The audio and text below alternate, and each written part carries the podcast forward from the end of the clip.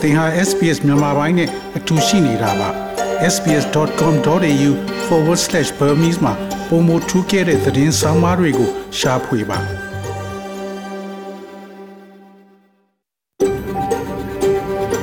SBS A world of difference You're with SBS Burmese on mobile, online and on radio mobile online နဲ့ radio ပေါ်မှာသင်ဟာ SPS မြန်မာပိုင်းနဲ့အ တူရှိနေတာဖြစ်ပါတယ်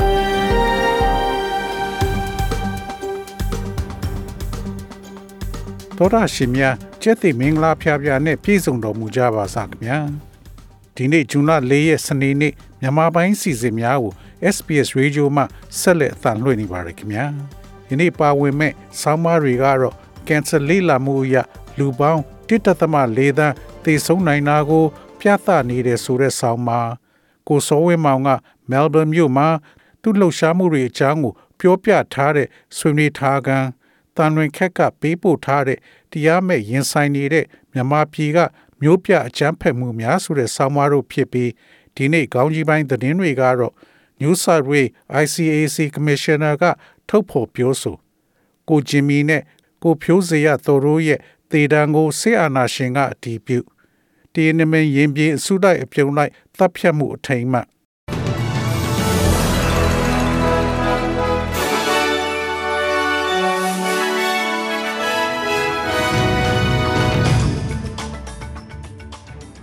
ယခုချိန်ကစပြီးသတင်းများကိုကျွန်တော်ကြော်ထုတ်အောင်ကစတင်ဖတ်ကြားပါတော့မယ်။ New South Wales ICAC Commissioner မှထုတ်ဖော်ပြောဆို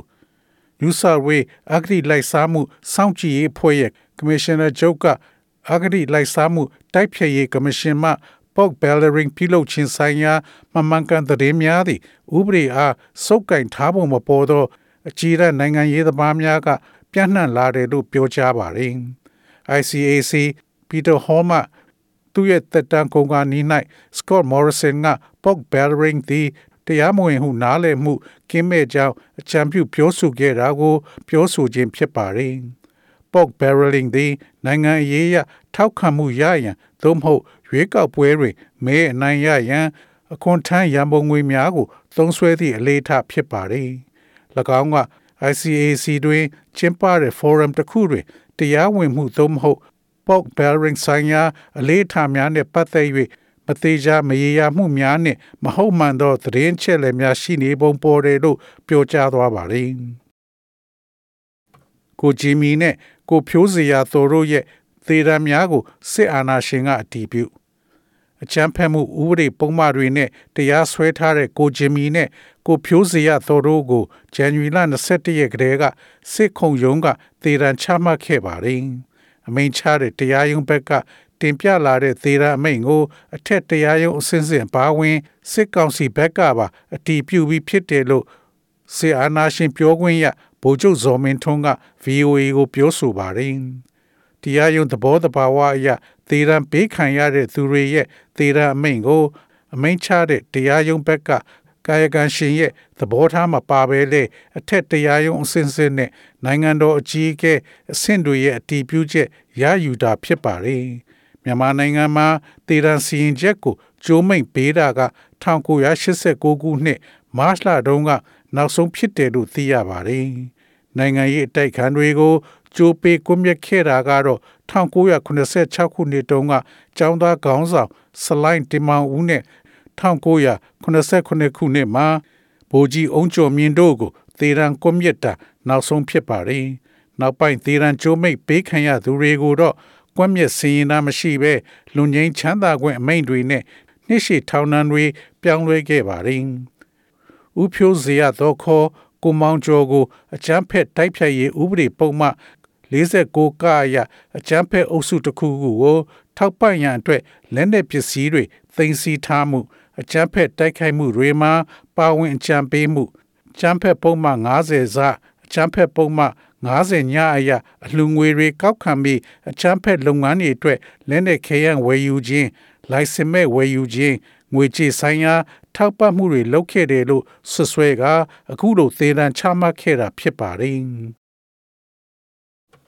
တီမီနီယန်ရင်ပြေအစုလိုက်ပြုံလိုက်တပ်ဖြတ်မှုအထိမ်းမှ1989ခုနှစ်တရနမင်ရင်ပြင်၌အစုလိုက်အပြုံလိုက်အသက်ခံရသူများကို အောက်မေ့ပွဲအထိမ်းအမှတ်ဖြင့်ပြုလုပ်ထားသော3မီတာအရှည်ရှိတဲ့ Pillar of Shame ရုပ်တုပုံတူကိုဇွန်လ၄ရက်နေ့ညနေတွင် တိုင်ဝမ်၌ကျင်းပတဲ့အထိမ်းအမှတ်ပွဲမှာပြသသွားမှာဖြစ်ပါတယ်။ယခုသတင်းပတ်တွင်ပြုလုပ်မဲ့တရနမင်ရင်ပြင်ဖြစ်ရအောင်မေ့ပွဲအခမ်းအနားမတိုင်မီဒိမတ်အမှုပညာရှင်တူမှပြုလုပ်သည့်ရုပ်ထုပုံတူကို ထုတ်လုပ်ရန် New School for Democracy မှမာတင်ငွေရှာဖွေပြီးနောက်အဆိုပါရုပ်ထုကို တိုက်ပေးတွင် ပြသသွားမှာဖြစ်ပါတယ်။ ပြီးခဲ့တဲ့ဒီဇင်ဘာကဟောင်ကောင်တက္ကသိုလ်မှအလုသမားများသည်တက္ကသိုလ်မှတာဝန်ရှိသူများရဲ့အမိန့်ဖြင့် Pillar of Shame မှုသိကြသည့်တရနမင်အစုလိုက်အပြုံလိုက်အသက်ဖြတ်ခံရမှု အောက်မေ့ပွဲရုပ်တုကိုဖယ်ရှားခဲ့ကြပါတယ်။ယင်းအထိတ်မှရုပ်တုသည်1989ခုနှစ်ကဒီနမင်တွင် အသက်ခံရသူများကို အောက်မေ့သည့်အနေဖြင့်ဒိမတ်အမှုပညာရှင်တူကဖန်တီးခဲ့ခြင်းဖြစ်ပါတယ်။ 1989ခုနှစ်ကဘေဂျင်းရှိတရင်နမင်ရင်ပြင်နှင့်တခြားတရုတ်မြို့ကြီးများတွင်ကျောင်းသားများအလုသမားများနှင့်တခြားသူများသည်ငြိမ်းချမ်းစွာစုဝေးဆန္ဒပြခဲ့ကြပြီးလွတ်လပ်စွာ ထုတ်ဖော်ပြောဆိုခွင့်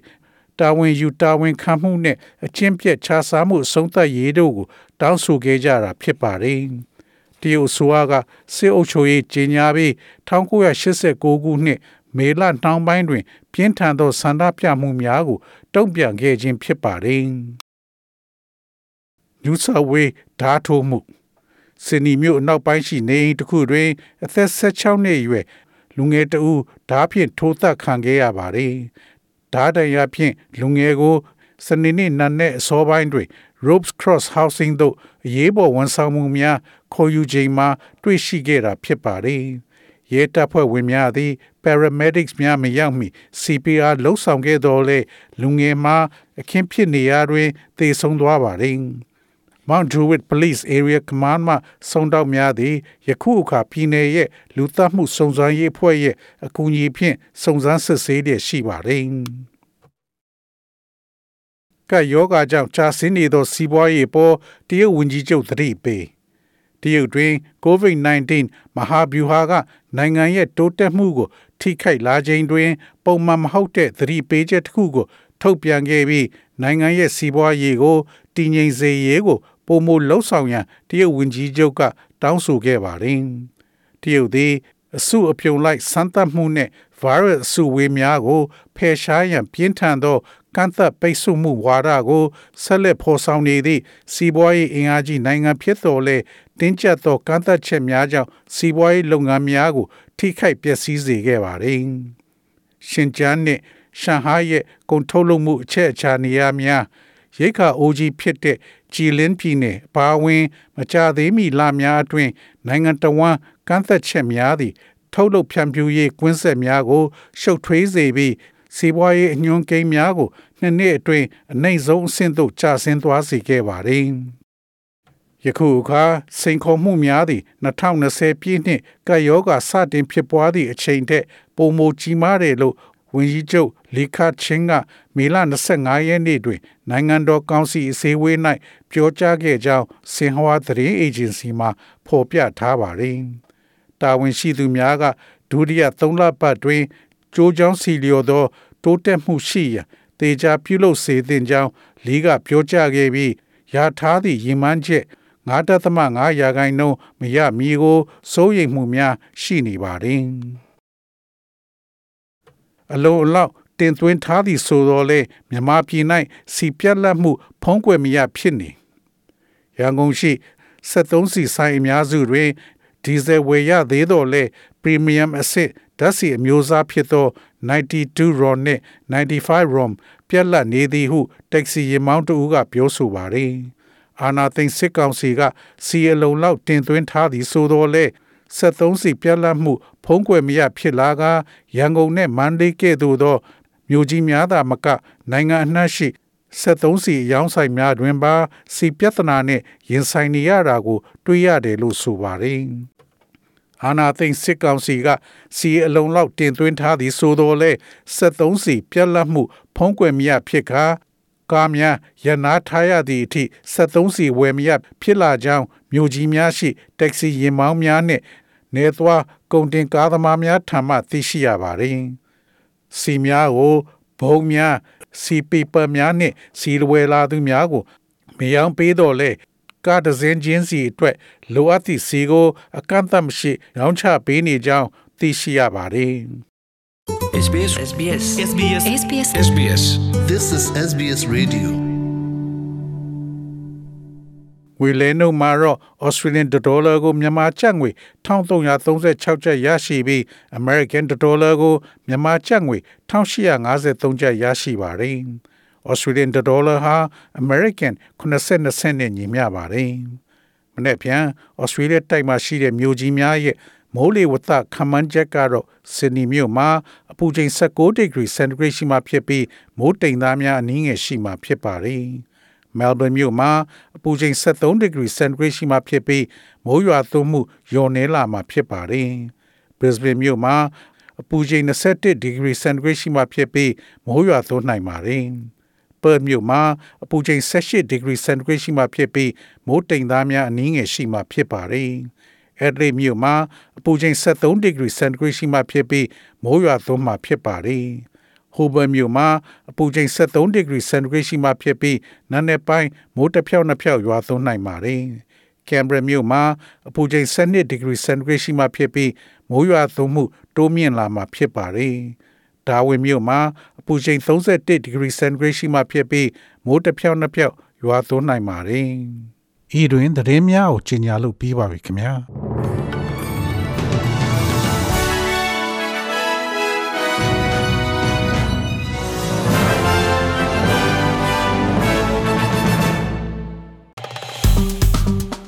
SPS မြန်မာပိုင်းကို Facebook ပေါ်မှာ like ရှာပြီး like မျှဝေမှတ်ချက်ပေးပါ